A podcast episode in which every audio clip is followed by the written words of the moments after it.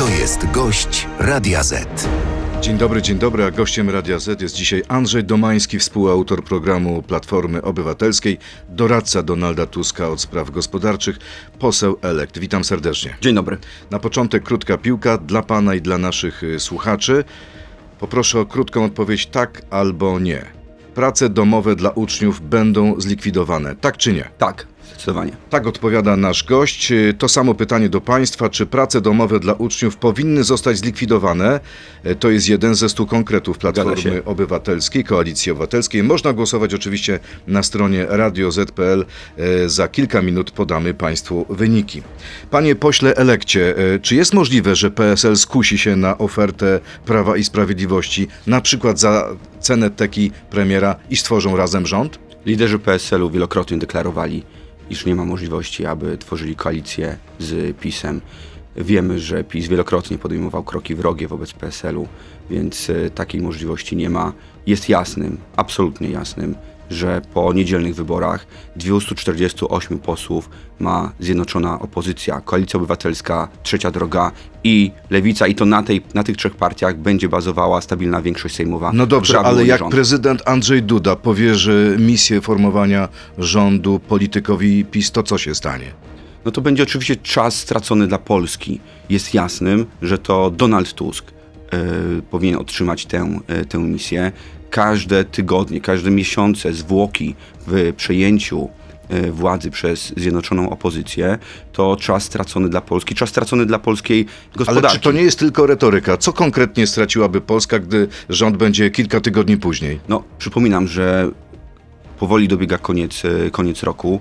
Musimy zająć się pracami nad chociażby budżetem. Musimy jak najszybciej odblokować środki z KPO. Musimy już naprawiać relacje z naszymi. Kiedy e, zostaną naszymi- odblokowane środki na KPO? Podobno Donald Tusk wybiera się do Brukseli. Pan wie, kiedy pojedzie? Tak, słyszałem, słyszałem, słyszałem tę informację. Przewodniczą- Przewodniczący Tusk jest absolutnie zdeterminowany, aby te pieniądze do Polski trafiły jak najszybciej, bo to jest 270 miliardów złotych, które już dziś powinno pracować w polskiej gospodarce. I pracuje- Zapowiadał, że będą dzień po. Dzień po pojedzie do Brukseli.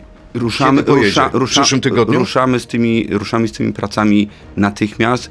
Z, w, przy, w przyszłym tygodniu spotkania w Brukseli. Zresztą e, te spotkania oczywiście już trwają, już, e, już pracujemy nad tym, aby te środki do Ale kto Polski rozmawia trafiły. na ten trafiły. temat nasi, nasi, nasi eksperci już prowadzą e, rozmowy. Przygotowujemy bardzo konkretny plan, jak te pieniądze jak najszybciej e, mm, do Polski e, sprowadzić, bo te pieniądze po prostu tutaj są potrzebne. Te pieniądze z, tego, z tych samych środków pracują we w prawie wszystkich krajach Unii Okej, Europejskiej. ale czy to są rozmowy w Polsce, czy już w Brukseli? O, na razie, na razie to są rozmowy oczywiście nieformalne na takim bardzo konkretnym planie. Dobrze, panie pośle, y, poseł Izabela Leszczyna mówi, że PiS to oszuści, bo ukrywali przed wyborami, że w budżecie jest gigantyczna dziura Morawieckiego. Mamy dziurę, czy nie mamy? PiS to oszuści, to się jak najbardziej zgadza. Wiemy, że wykonanie budżetu jest obecnie słabe, ale to trzeba powiedzieć bardzo jasno i wyraźnie. Pieniądze na programy zapowiadane przez Koalicję Obywatelską w trakcie kampanii wyborczej są i będą. To Czyli parafrazując y, byłego ministra finansów, pieniądze są i będą. Pieniądze na programy zapowiadane w, w trakcie kampanii wyborczej są i będą i nie ma żadnego odejścia, tutaj chcę powiedzieć bardzo wyraźnie, od świadczeń typu 800, od kol- 13 i 14 emerytury, od tego wszystkiego, do czego Polacy już się przyzwyczaili, które, do tych programów, które są dobrze zakorzenione w Polsce. Nie będzie likwidacji czternastki. Y, y, Prezes y, Kosiniak-Kamysz kilka dni temu w tym studiu powiedział, że nie powinno być czternastki, bo powinna być emerytura bez My podatku. mówiliśmy wielokrotnie w trakcie kampanii wyborczej, że nic co dane nie zostanie zabrane i tego jak najbardziej się trzymamy. No to co zrobicie z koalicjantami? Będziemy oczywiście rozmawiać, te, te rozmowy dotyczące punktów programowych będą, e, będą prowadzone w najbliższych tygodniach. Będziemy się wzajemnie przekonywać, na tym polegają negocjacje, na tym polegają rozmowy koalicyjne i jest no, absolutnie jasne i czytelne, że to w najbliższych tygodniach zapadną decyzje. No dobrze, Nasze pa- stanowisko jest tutaj bardzo Panie jasne pośle, ale mamy opinię też y, ludzi, którzy już byli posłami, chociażby pani poseł Heni Kloska w Radiu y, Z powiedziała, posłanka trzeciej drogi, że należy podjąć rozmowy na poziomie rządu, co zrobić z problemem, jakim jest 800, sugerując, że na to pieniędzy nie ma. Dla mnie skąd 800 takie opinie? 800 plus dla mnie nie jest problemem, jest świadczeniem, które w Polsce się bardzo dobrze przyjęło. Znaczy 500 plus, które w tej chwili będzie zwaloryzowane do 800 plus. Też przypomnijmy sobie dlaczego 47% inflacja zarządów PiSu sprawiła, że te 500 plus początkowe radykalnie straciło na swojej, na swojej e, wartości. Więc e, to świadczenie jest w Polsce ugruntowane. Nie będzie zmian, jeśli chodzi o kryteria przyznawania jak tego świadczenia? ta- Tak jak powiedziałem, w kampanii wyborczej mówiliśmy bardzo jasno, że nic co dane nie zostanie No dobrze, ale znowu mam wypowiedź prezesa PSL-u Władysława Kośniaka-Kamysza, który mówi 800 plus tylko dla rodziców, którzy Mhm. pracują. Co z tym zrobicie? Tak jak powiedziałem, te rozmowy będą się toczyły w najbliższych tygodniach. Yy, Jesteśmy, nasze stanowisko Koalicji Obywatelskiej jest jasne, wyrażone wielokrotnie. Nic co dane nie zostanie Ale nie zabrane. macie większości jako Koalicja Obywatelska, musicie korzystać z poparcia trzeciej drogi i lewicy. Co jeśli koalicjanci na to Tak. Ja się nie gen- zgodzą? generalnie mam y, z pro, programy zarówno koalicji, y, zarówno trzeciej drogi, jak i lewicy y, dobrze rozpoznane i tak naprawdę tych punktów spornych w naszych, w naszych y, programach jest naprawdę bardzo, bardzo niewiele. Na Naprawdę, zdecydowanie- panie pośle, Absolutnie już tak, na kilka zdecydowanie minęło od wyborów, a już są wielkie różnice między Dlatego, wami. dlatego rzeczywiście media koncentrują się na tych kilku drobnych e, różnicach. Natomiast jeżeli przyjrzymy się całości, to powiedzmy sobie jasno, że trzecią drogę, lewicę i koalicję obywatelską zdecydowanie więcej łączy. Zdecydowanie więcej łączy niż dzieli. Przecież razem protestowaliśmy e, w obronie demokracji. Razem protestowaliśmy w obronie sądów. Ale wie pan, inaczej zachowuje się w opozycji, to jest łatwiejsze niż wspólne rządzenie.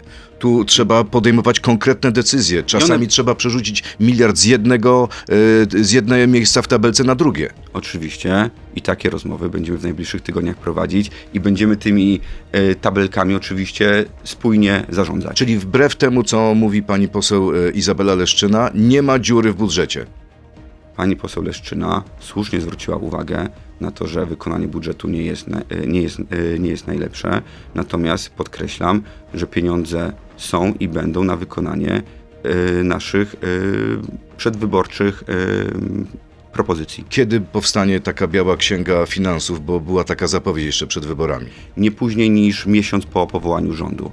Tu już jesteśmy bardzo mocno zdeterminowani do tego, aby dokładnie przedstawić stan finansów publicznych, żeby pokazać wszystkie e, przy, e, przykłady niegospodarności ze strony obecnie odchodzącej, e, obecnie rządzącej i odchodzącej ekipy, żeby dobrze poznać, zobaczyć, gdzie były poukrywane wydatki. Po co? Po to, aby e, ten stan finansów publicznych konsekwentnie poprawiać. Miesiąc, miesiąc od powołania Czyli nowego jeśli rządu. rząd powstanie około, to najbardziej prawdopodobne 15-20 grudnia, Tak. jeśli będzie ten drugi ruch, to do 15-20 stycznia będzie ta księga. Tak, potwierdzam. E, A co w niej będzie? Tak jak powiedziałem, dokładne wykazanie stanu finansów publicznych, e, ewidencja przejawów niegospodarności ze strony, ze strony e, PiSu, e, no i oczywiście kierunki, kierunki naprawy. Panie pośle, elekcie, teraz pora na krótką piłkę, odsłona numer dwa. Też poproszę o krótkie odpowiedzi na pytanie tak albo nie. Pierwsze pytanie w tej odsłonie brzmi: Podwyżki dla budżetówki będą już od 1 stycznia, tak czy nie? Tak, Wprowadzimy tańsze paliwo, tak czy nie? Paliwo będzie y, ustalane na, na bazie y, czynników rynkowych. Czyli nie. Czy nie, nie, będzie, nie będzie administracyjnych decyzji dotyczących cen paliwa? Sprywatyzujemy państwowe banki, tak czy nie? Nie.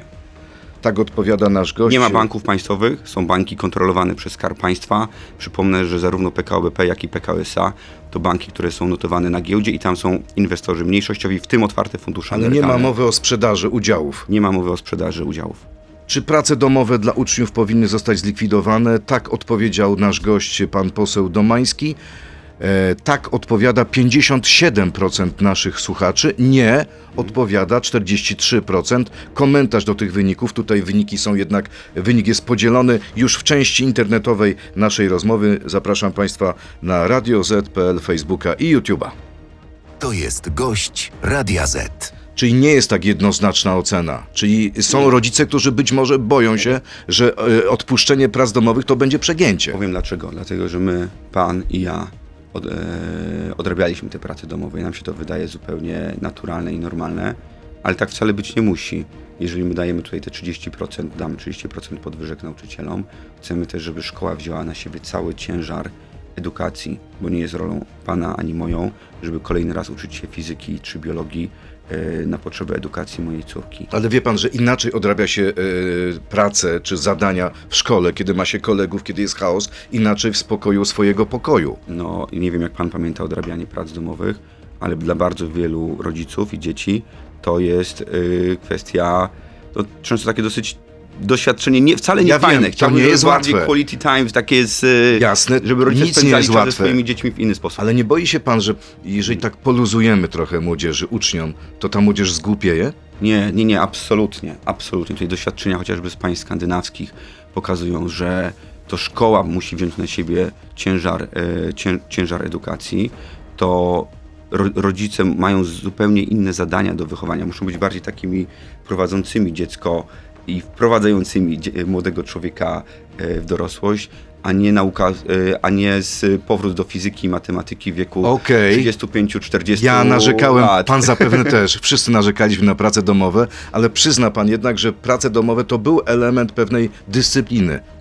Czyli uczyliśmy się pewnej dyscypliny, że mamy pewne obowiązki. I co, i teraz będzie to wszystko poluzowane? Nie, tak jak powiedziałem, nie będzie poluzowane, tylko odbędzie się to w szkole, a rodzice będą mieli więcej czasu, chociażby żeby pójść ze swoimi dziećmi zagrać w piłkę, na basen, e, czy tego typu aktywności. Czyli czeka nas raj, jeśli chodzi o relacje między uczniami a rodzicami. To nie jest, to nie jest A raj, nauczyciele będą mieć troszeczkę gorzej. to nie jest raj, tylko to jest, to jest e, pewna zmiana, której Polacy, e, której Polacy myślę oczekują. Gdybyśmy tutaj pewnie zadali pytanie e, dodatkowe, e, w którym byśmy wytłumaczyli, że tak naprawdę ta sama wiedza, oczywiście w zmienionym, w zmienionym e, programie, ale że ta wiedza będzie również przekazana e, tylko że w szkole, myślę, że wyniki tej ankiety byłyby inne. Wybiera się pan do rządu, chce pan zostać ministrem finansów, ministrem od spraw Dementuję, gospodarczych? dementuję. W tej chwili jesteśmy w etapie bardzo wstępnych rozmów z naszymi koalicjantami.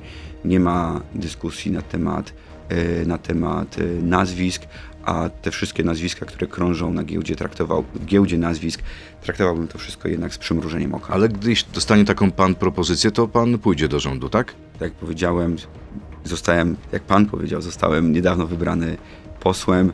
Cieszę się, że będę mógł moją wiedzę wyciągniętą z wielu, wielu lat pracy w biznesie, w gospodarce realizować w Sejmie, a jakie inne zadania zostaną mi przydzielone potencjalnie, to zobaczymy w ciągu Był pan na liście tygodni. śmierci warszawskiej, zdobył pan ostatnie biorące Zgadza miejsce. się, zgadza się, łatwo nie było. Kampania była bardzo, bardzo trudna, ale wyczerpująca e, wielu bardzo silnych kandydatów i kandydatek na naszej liście. Zresztą zwracam uwagę, że z dziewięciu osób, które otrzymały mandat, sześć to kobiety w Warszawie, więc e, lista była naprawdę bardzo, bardzo mocna. E, No ale również bardzo się cieszę, że udało mi się ten mandat uzyskać. Wróćmy do tego, jak mogą wyglądać relacje między premierem, między nowym rządem a prezydentem Dudą. On już zapowiedział wczoraj, że będzie bronił wszystkich programów socjalnych. To brzmi trochę jak zapowiedź sprzeciwu, weta wobec jakiejkolwiek próby zmiany. Nie macie większości, y, która by odrzucała weto. Co wtedy? Jeśli na przykład uchwalicie ustawy, a one będą wetowane przez prezydenta. Znaczy, po pierwsze tak, mam nadzieję, że pan prezydent będzie współpracował z nowym rządem e, dla dobra polskiej gospodarki i dla, mówiąc szczerze, dla dobra e, Polaków. Mamy oczywiście przygotowany długą listę propozycji dotyczących gospodarki i powiem otwarcie, liczę na współpracę ze strony pana, e, pana prezydenta.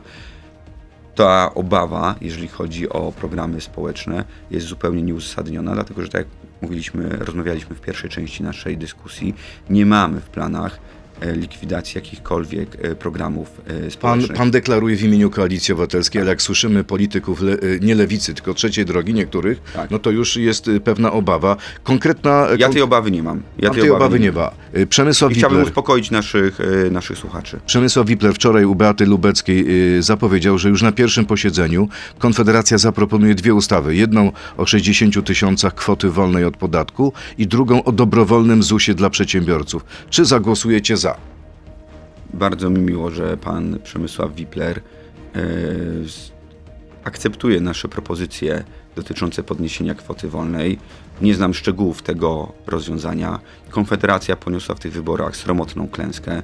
Przyznał to nawet pan e, prezes e, przewodniczący Mencen. Więc oczywiście teraz mogą wychodzić ze swoimi propozycjami. E, Oni mówią, że to będzie taki test dla was. To znaczy, oni wyłożą e, propozycję, pokażą projekt i zobaczymy, jak ty- zagłosujecie. Ja, ja tylko przypomnę, że my już złożyliśmy projekt e, podnoszący kwotę wolną do 60 tysięcy złotych w minionej kadencji. Ale E, złożycie nowy, identyczny, czy Oczywi- będzie się czymś różnił? Nie, on się, on się nie będzie, on się nie będzie niczym, y, niczym różnił i zapraszam pana posła Wiplera do poparcia naszego projektu. A co z dobrowolnym ZUS-em dla przedsiębiorców? My mówiliśmy wyraźnie w trakcie kampanii, że nie jesteśmy za dobrowolnym ZUS-em. y, Natomiast dostrzegamy to, jak bardzo wzr- wzrastają y, obciążenia ZUS-owskie. Widzimy, jak mocno rośnie składka zdrowotna. Zaproponowaliśmy tak zwany urlop dla przedsiębiorców, czyli propozycję, aby raz w roku przedsiębiorca mógł y, składek ZUS-owskich nie płacić. Raz, w czyli roku- przez jeden miesiąc? przez jeden miesiąc, czyli to jest 8%, łatwo policzyć, 8% redukcji tego obciążenia. Do tego dochodziła połowa świadczenia w wysokości połowy kwoty minimalnej, więc tak efektywnie około 15-16%. No dobrze, ale wasz koalicjant, trzecia droga, bez którego No nie będziecie mieć raz. większości, I kolejny mówi raz. o dobrowolnym ZUS-ie. I kolejny raz, panie redaktorze, będziemy o tym y, z naszym koalicjantem rozmawiać. Zresztą w samym... Ale co, sa- przyłożycie mu pistolet do nie, głowy? nie, nie, nie. W samej trzeciej drodze nie ma co do tego dobrowolnego ZUS-u, z tego co wiem, e, jednomyślności, ale, ale te wszystkie punkty programowe będą na spokojnie negocjowane w trakcie zbliżających się rozmów programowych. No to jest absolutnie jasne. Ja po prostu chcę uniknąć sytuacji, w której media podgrzewają te nieliczne, naprawdę moim zdaniem bardzo nieliczne punkty sporne między naszymi trzema e, partiami, a tak naprawdę ogrom pracy, przygotowanie ustaw e, będzie dotyczyło właśnie przygotowania konkretnych rozwiązań Okej. tym, co nas łączy. Pan mówi, że one są y, naprawdę nieliczne e, Tak. punkty sporne. Odchodzący wicepremier Sasin mówi, że tak naprawdę te cztery dni pokazały, że czeka nas cyrk, bo po, połączyć ogień z wodą będzie bardzo ciężko. Cyrk to mieliśmy w Polsce w, w ciągu ostatnich 8 lat, ale może cyrk to nie jest najlepsze słowo, dlatego że to taki cyrk, ale raczej czarny humor, e, niszczenie polskiej demokracji, niszczenie polskiej gospodarki, sukcesywne wyłączanie silników napędzających polską gospodarkę, funduszy unijnych, e, opóźnienia w transformacji energetycznej, więc cyrk fundował nam pan Sasin i jego koledzy, a my z tym cyrkiem właśnie skończymy i zrobimy to, uwaga, razem z naszymi koalicjantami. Ja zupełnie niedawno jechałem, uwaga, z, pań, z posłanką partii Razem. Partia Razem, ja, wolnorynkowy No, e, jesteście ekonomista, daleko od siebie. Wydawałoby się, że wszystko ma nas e, dzielić. Nic bardziej mylnego. Rozmawialiśmy o klimacie, rozmawialiśmy o środowisku, ale także o mieszkaniach. I naprawdę byliśmy oboje zaskoczeni, jak dużo nas łączy. Więc naprawdę Może proszę nie... was stołki, albo Nie, połączą. ża- ża- żadne stołki, ani pani poseł, ani ja y, nie deklarujemy żadnych tutaj aspiracji. Rozmawialiśmy o tym wcześniej. To, co jest dla nas ważne i dla, i dla lewicy, i dla koalicji obywatelskiej, i dla trzeciej drogi, to to, że zaczynamy zmianę, prawdziwą zmianę na lepsze To porozmawiajmy o kolejnych konkretach. Y, Co z budową dwóch elektrowni atomowych? Y, Z Amerykanami nad morzem i Koreańczykami w Pątnowie. Czy będziecie je kontynuować, czy je wstrzymacie? My przedstawiliśmy bardzo konkretny plan transformacji energetycznej Polski, w którym zakładamy, że do 2030 roku 68% energii w Polsce będzie wytwarzane z OZE. E, Mamy konkretne rozwiązania, jak to zrobić. S- Wsparcie dla lądowej energetyki wiatrowej, wsparcie dla e, fotowoltaiki, e, systemy hybrydowe, ale odpowiadając na Pana pytanie, widzimy miejsce w systemie dla dwóch dużych elektrowni jądrowych, podobnie jak widzimy miejsce w systemie dla SMR-ów. Dokładna liczba tych SMR-ów, e, które, które powinny mieć, e, być zbudowane Czyli w Polsce. akceptujecie decyzje podjęte przez rząd PiSu, czy będziecie prześwietlać te umowy, które oczywiście zostały zawarte? Wszystkie umowy będą, e, będą sprawdzone. To jest jakby zupełnie, zupełnie naturalne. Natomiast, tak jak powiedziałem, dwa duże projekty. Wiemy, że ten projekt z Amerykanami jest bardziej zaawansowany i nie ma cienia dyskusji, cienia rozmowy na temat jakiegokolwiek tutaj podważania tych, e, tych umów. Kolejna... Zależy e, nam, po- pan pozwoli, że skończę, tak. zależy nam na transformacji energetycznej opartej na Czyli odnawialnych tak źródłach energii i energetyce jądrowej. tak dla dwóch, ale już nie na, dla trzeciej? Widzimy miejsce w systemie dla dwóch. Dla dwóch. Kolejna e, część naszego programu, naszej rozmowy, czyli poproszę o krótkie odpowiedzi, bo jest mnóstwo pytań do Pana, bardzo konkretnych od naszych słuchaczy. Eksperci ekonomiczni ostrzegają, że ceny energii w przyszłym roku mogą wzrosnąć nawet o 70%. Jest to niewątpliwie jedno z największych wyzwań dla nowego rządu. Czy planowane jest utworzenie specjalnych tarcz ochronnych dla obywateli czy firm? Dla gospodarstw domowych z całą pewnością nie dopuścimy do skokowego wzrostu cen dla y, gospodarstw domowych, to jest, to jest jasne. Tak jak mówiłem przed chwilą, transformacja A dla firm? Dla firm, dla firm y, również nie. Natomiast musimy, skupmy się na razie na źródle problemu. Jeżeli w Polsce są miesiące, kiedy ceny energii dla polskich firm są o 60% wyższe, o 50-60% wyższe niż w Niemczech czy we Francji, na tak zwanym rynku spot, to to jest źródło problemu. Oparcie polskiej energetyki niemal wyłącznie na węglu i gazie yy, i na tym muszą się skupić Ale nasze działania. Czy w przypadku klientów indywidualnych zamrozicie ceny gazu i energii na jakim poziomie? Ceny gazu, to zresztą to zadeklarowaliśmy w, naszej, e, w naszych 100, 100 e, konkretach, przyszłym roku będą nadal zamrożone. Ale na jakim poziomie? Czy to no. będzie poziom obecnych cen? Tak, tak, tak. Mówię, mówimy ale zamrożonych czy tych najwyższych? Na, nie, poziom, przepraszam, ale nie pamiętam w tej chwili dokładnej, e, dokładnej, e, dokładnego poziomu. E, wiemy, że ta stawka będzie po prostu zamrożona. Możemy tutaj uspokoić Polaków, że ceny energii i gazu będą, e, że cen, będą e, zamrożone. E, panie pośle, przed wyborami kolejne pytanie. Sami mówiliście, że Morawiecki rekordowo zadłużał Polaków, a mimo to głosowaliście z pisem za kolejnymi programami socjalnymi i ścigaliście się na kolejne obietnice wyborcze. Czy zrealizujecie 100 obietnic na 100 dni? czy też oszukacie wyborców i powiecie, że nie ma na to pieniędzy w budżecie? No powiedziałbym, że pytanie lekko tendencyjne, ale ro, rozumiem, że, że taka, jest, ta, e, taka jest konwencja. E, będziemy realizować przedstawione punkty, e, punkty programowe wchodzące w skład 100 konkretów i powiedzieliśmy, że w trakcie 100 pierwszych dni rządzenia te konkrety będą zrealizowane. Kolejne pytanie. Proszę o podanie szczegółów konkretu. Wprowadzamy, wprowadzimy 600 zł dopłaty na wynajem mieszkania dla młodych ile będzie kosztował cały program, kogo będzie dotyczył, jakie warunki będzie trzeba spełnić, aby otrzymać 600 zł dopłaty. Już mówię. To jest generalnie element naszego szerszego pakietu dotyczącego budowy dotyczącego rynku mieszkaniowego w Polsce. Wiemy, że w Polsce mieszkań powstaje zdecydowanie za mało, więc przedstawiliśmy rozwiązania dotyczące chociażby uwolnienia gruntów, spółek Skarbu Państwa, Krajowego Zasobu Nieruchomości, po to, aby mieszkań powstawało więcej. Przedstawiliśmy propozycję przeznaczenia 3 miliardów złotych na budownictwo samorządowe i 10 miliardów złotych na e, rewitalizację pustostanów, które znajdują się w zasobach komunalnych. Okej, okay, 600 ale z tych 600 zł się nie wycofujecie. Nie, nie wycofujemy się A nie boi się pan reakcji rynku na to, co się ale, stanie? Ale że na przykład ceny tego typu rozwiązania, wzrosną? Tego typu, rozwiązania, tego typu rozwiązania funkcjonują w wielu krajach Europy y, Zachodniej. Mamy analizy, które pokazują, że to gospodarstwa domowe, które wynajmują mieszkanie, a nie są właścicielami żadnego mieszkania, przeznaczają na swoje potrzeby związane z mieszkaniem największą część swojego dochodów, więc mówiąc po polsku, jest im najtrudniej. Jest im najtrudniej. Zresztą w Polsce w chwili obecnej funkcjonuje tak zwany dodatek mieszkaniowy. Wiele osób o tym być może nie wie, e, ale takie rozwiązanie bardzo skomplikowane, bardzo trudne do policzenia jest. My przedstawiliśmy pewnego rodzaju uproszczenie dla osób, które nie mają żadnego mieszkania, do osób yy, i dla osób, yy, dla osób okay. młodych. Jedziemy dalej. Jak Koalicja Obywatelska chce zrealizować nowe projekty, takie jak babciowe, kredyt 0%, kwota wolna 60 tysięcy, a do tego podwyżki pensji 20% dla budżetówki nauczycieli, jeśli na dzisiaj w budżecie jest olbrzymie zadłużenie i ile to wszystko będzie kosztować? Dobrze. Eee, tak jak powiedziałem, pieniądze na realizację naszych E, naszych e, zobowiązań wobec Polaków są i będą. Skąd te pieniądze? Już mówię.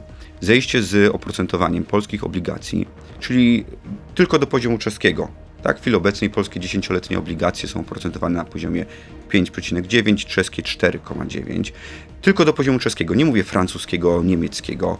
To już oszczędności rzędu 17, nawet 20 miliardów złotych w skali roku. Ten proces zresztą już się po wyborach rozpoczął. Różnica w oprocentowaniu obligacji polskich i chociażby niemieckich w ciągu ostatnich dniach spada. Więc mamy pieniądze chociażby ze, z mniejszych kosztów obsługi długu. Lecimy dalej. KPO 270 miliardów złotych. Wyższy wzrost gospodarczy dzięki prorozwojowym programom, które przedstawiliśmy 8 do 10 e, miliardów e, złotych. Handlowa niedziela pewnie do miliarda złotych. Cztery niedziele, rozumiem, wolne. To jest nasza propozycja, cztery niedziele, Ale wie pan, cztery że niedziele bardzo wolne. krytycznie przyjęli to pracownicy, związki zawodowe, A Solidarność. część Uważają, związków- że będzie ograniczenie ich praw pracowniczych. Nie, dlatego że jednocześnie deklarujemy, że każdy pracownik musi mieć prawo do co najmniej dwóch weekendów w trakcie miesiąca y, wolnych. Więc te prawa pracownicze są zachowane i powiedzmy jeszcze jedno, dziesiątki, setki tysięcy osób chcą właśnie pracować w niedzielę. Studenci chcą po prostu dorobić. Ale jeszcze mieliśmy rozmawiać jeszcze, jeszcze o pieniądzach. Tak. TVP 3 miliardy złotych i sama według szacunków NIK-u tylko likwidacja, właściwie nie tyle likwidacja, co przeniesienie tego długu, który w tej chwili jest w PFR-ze i BGK z powrotem do budżetu, to oszczędności rzędu 12 miliardów złotych. Na samym A jeszcze- przeniesieniu będzie taka oszczędność? tak, tylko dlatego, że oprocentowanie obligacji PFR-u i BGK jest po prostu wyższe niż oprocentowanie obligacji emitowanych przez Skarb Państwa. I ta różnica wynosi, uwaga, aż 12 miliardów złotych. A przecież nie zaczęliśmy jeszcze mówić o likwidacji tego całego złodziejstwa, z którym mieliśmy do czynienia w ciągu oś- Złodziejstwa? ostatnich- No, Jest pan pewien, że doszło do przestępstw, doszło do kradzieży? Oczywiście, że będziemy tutaj punkt po punkcie to wyjaśniać i osoby, które będą podejmowały decyzje, yy, które podejmowały decyzje w ciągu ostatnich 8 lat, skutkujące, moim zdaniem, w wielu wypadkach, tak, z y, utratą pieniędzy przez, y, stratą pieniędzy przez Skarb Państwa, będą pociągane do odpowiedzialności. Programy typu Villa Plus będą co do złotówki rozliczone. Stworzycie w tej Osoby- sprawie komisje śledcze? czy od Villa Plus stworzymy komisję śledczą? Myślę, myślę że nie. Natomiast komisja śle- śledcza do spraw Orlenu to oczywiście prerogatywa yy, przyszłego rządu, nie moja. Pan chciałby takiej ale komisji? uważam, że ta transakcja musi być bardzo dokładnie wyjaśniona, bo Polska, Skarb Państwa, yy, w mojej opinii, na podstawie niezależnych wycen, podniosła na tej transakcji poważne straty. Czyli pan Ale- jest, pan jest, pa- y, panie pośle, pan jest za tym i rozumiem, Koalicja Obywatelska jest za tym, żeby w nowej kadencji Sejmu była komisja do spraw zbadania to jest moja opinia. Orlenu. To jest moja opinia. No dobrze, a uważa pan, że można odkręcić fuzję? Myślę, że będzie to y, trudne z takiego po prostu prawnego punktu, y, punktu widzenia. Ja pracowałem wiele lat na rynku kapitałowym i wiem, że spółki łatwiej połączyć niż rozdzielić.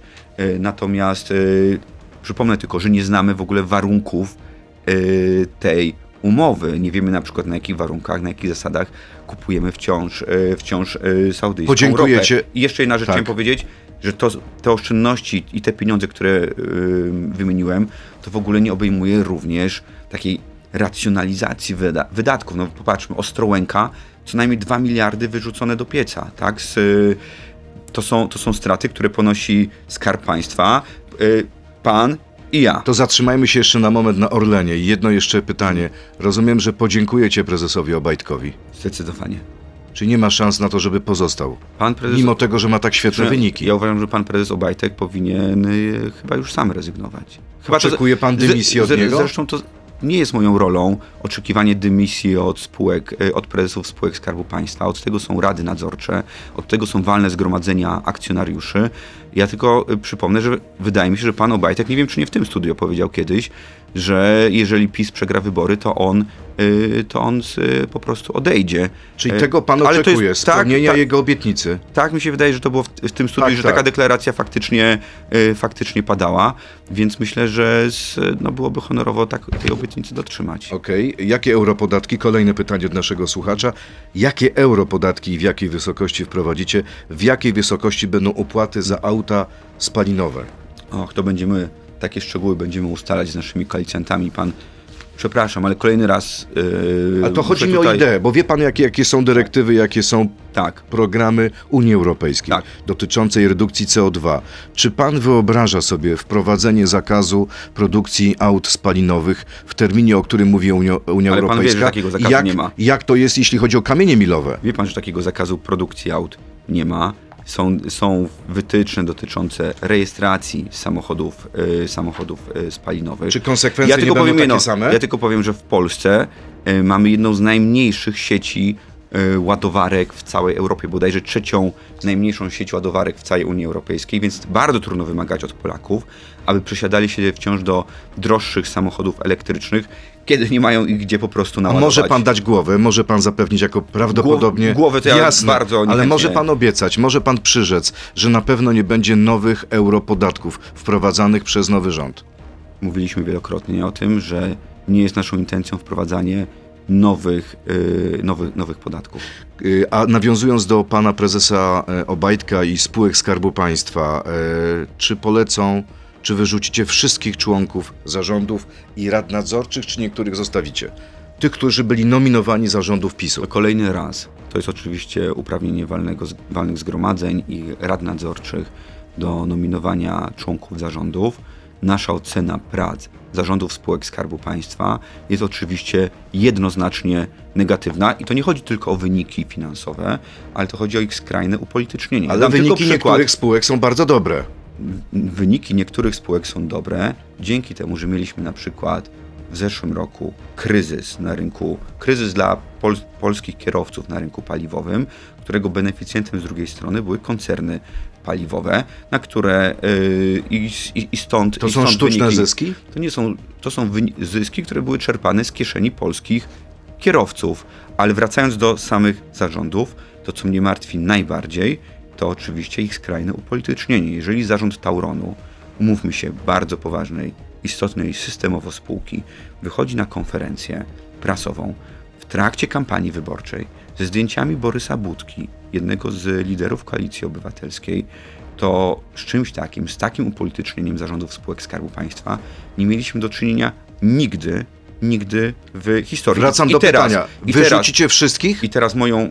Tak. Chcę, żeby nowe zarządy spółek Skarbu Państwa to byli fachowcy.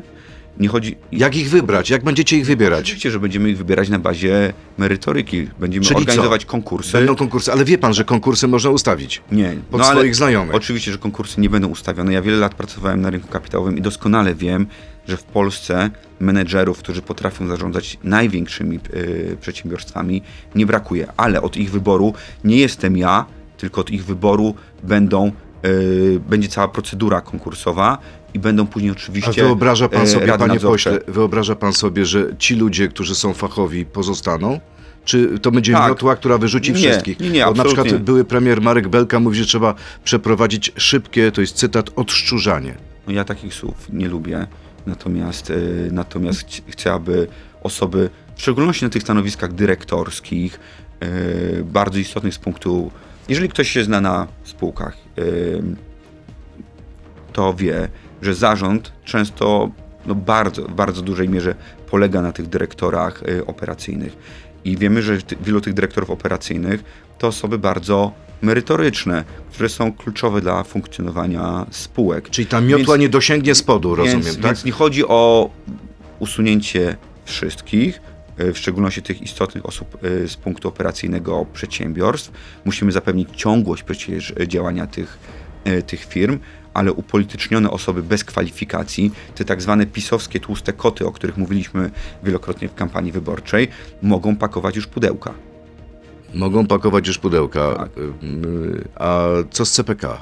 CPK audyt. centralny port, port komunikacyjny? Zapowiadaliśmy audyt tej, y, tej inwestycji. Czyli wyobraźmy sobie sytuację, zrobicie audyt, ten audyt może ile trwać? Miesiąc, dwa, trzy? Nie jestem, nie jestem specjalistą od CPK. Wiem, że jest to inwestycja, która ma potencjał aby być No właśnie, bo kluczową nawet z punktu eksperci- widzenia Polski. Eksperci niemieccy uważają, że to jest dobry pomysł.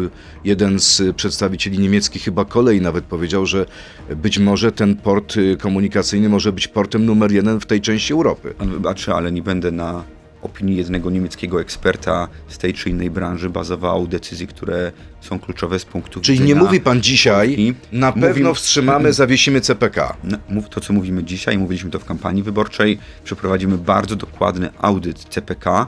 Wiemy, że, os- że dochodziło tam do nieprawidłowości, chociażby związanych z wywłaszczaniem, chociażby z, wiele osób zostało potraktowanych w sposób absolutnie niegodny y, w trakcie tej y, próby realizacji tej, tej inwestycji, ale czy sama koncepcja ma sens, e, to będzie sprawdzone oczywiście audytem. Myśli pan, że decyzja w tej sprawie to jest pół roku, czy krócej? Krócej. Krócej. E, czy skrócicie, a propos skrótów i, i terminów, czy skrócicie kadencję prezesowi Glapińskiemu? Prezes Glapiński nie wywiązuje się ze swojego mandatu. To jest jasne dla wszystkich e, ekonomistów, dla wszystkich osób, które zajmują się polityką pieniężną, tego, tym jak są ustalane w Polsce stopy procentowe. Zajmuje się bardziej e, prowadzeniem polityki. E, wiemy, że jego decyzje są bardzo często motywowane politycznie e, i wiemy, że ma kadencję. I ta kadencja, ona jest kadencja prezesa NBP i w ogóle to stanowisko jest bardzo mocno osadzone w porządku prawnym. Czyli nie ma mowy, nie będziecie skracać kadencji prezesowi. Tak jak mówiliśmy w kampanii wyborczej, będziemy sprawdzać samą procedurę wyboru prezesa, natomiast ja byłbym daleki od tego, aby odwoływać osobę y, nawet z funkcji prezesa NBP, tylko za bar- nawet bardzo głupie i bardzo niemądre wypowiedzi, jakie padają na, y, na konferencjach prezesa NBP.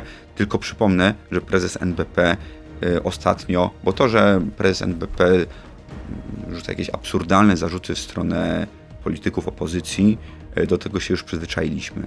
Ale ostatnio mieliśmy do czynienia z tą eskalacją e, fantazji pana prezesa e, Glapińskiego, który zaatakował niezależnych analityków. To też bardzo ważna instytucja, analitycy rynkowi, z punktu widzenia całego systemu, bo oni patrzą na zarówno rządowi i ministrowi finansów na ręce, patrzą również na ręce Ale, NBP Panie i RPP. pośle, pan jest przeciw skróceniu kadencji. Ja powiedziałem, ja powiedziałem ja Nie widzi pan dzisiaj podstaw prawnych, tak? Nie, nie, ma takich. nie, nie, powiedziałem wyraźnie i mówiliśmy to w kampanii, że to, czy takie podstawy prawne są, zostanie prześwietlone Okej, i bo ja zbadane. pamiętam- I to powinno nastąpić oczywiście bardzo. Okej, e, bardzo ja pamiętam jak szybko. rok temu Donald Tusk mówił na jednym z wieców, że znajdzie się kilku silnych mężczyzn, którzy wyprowadzą pana prezesa Glapińskiego.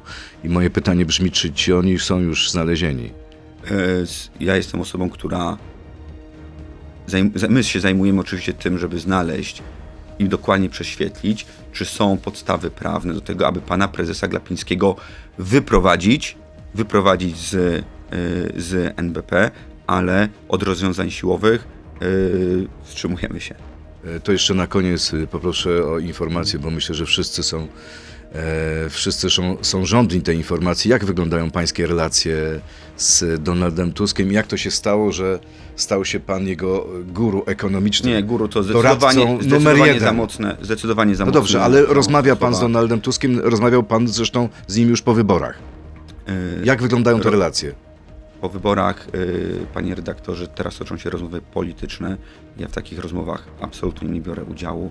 Jeżeli można coś o gospodarce podpowiedzieć panu przewodniczącemu y, Tuskowi czy, czy innym naszym liderom, to zawsze jestem y, dostępny. Taka jest moja rola jako głównego ekonomisty w think tanku. A jak Platformy. pan ocenia umiejętności ekonomiczne czy stan wiedzy na temat ekonomii Donalda Tuska? Bardzo wysoki. Andrzej Domański, współautor programu Platformy Obywatelskiej, doradca Donalda Tuska do spraw gospodarczych, poseł elekt, był gościem Radia Z. Bardzo panu dziękuję. Dziękuję bardzo. I miłego dnia. Dziękuję bardzo. To był gość Radia Z.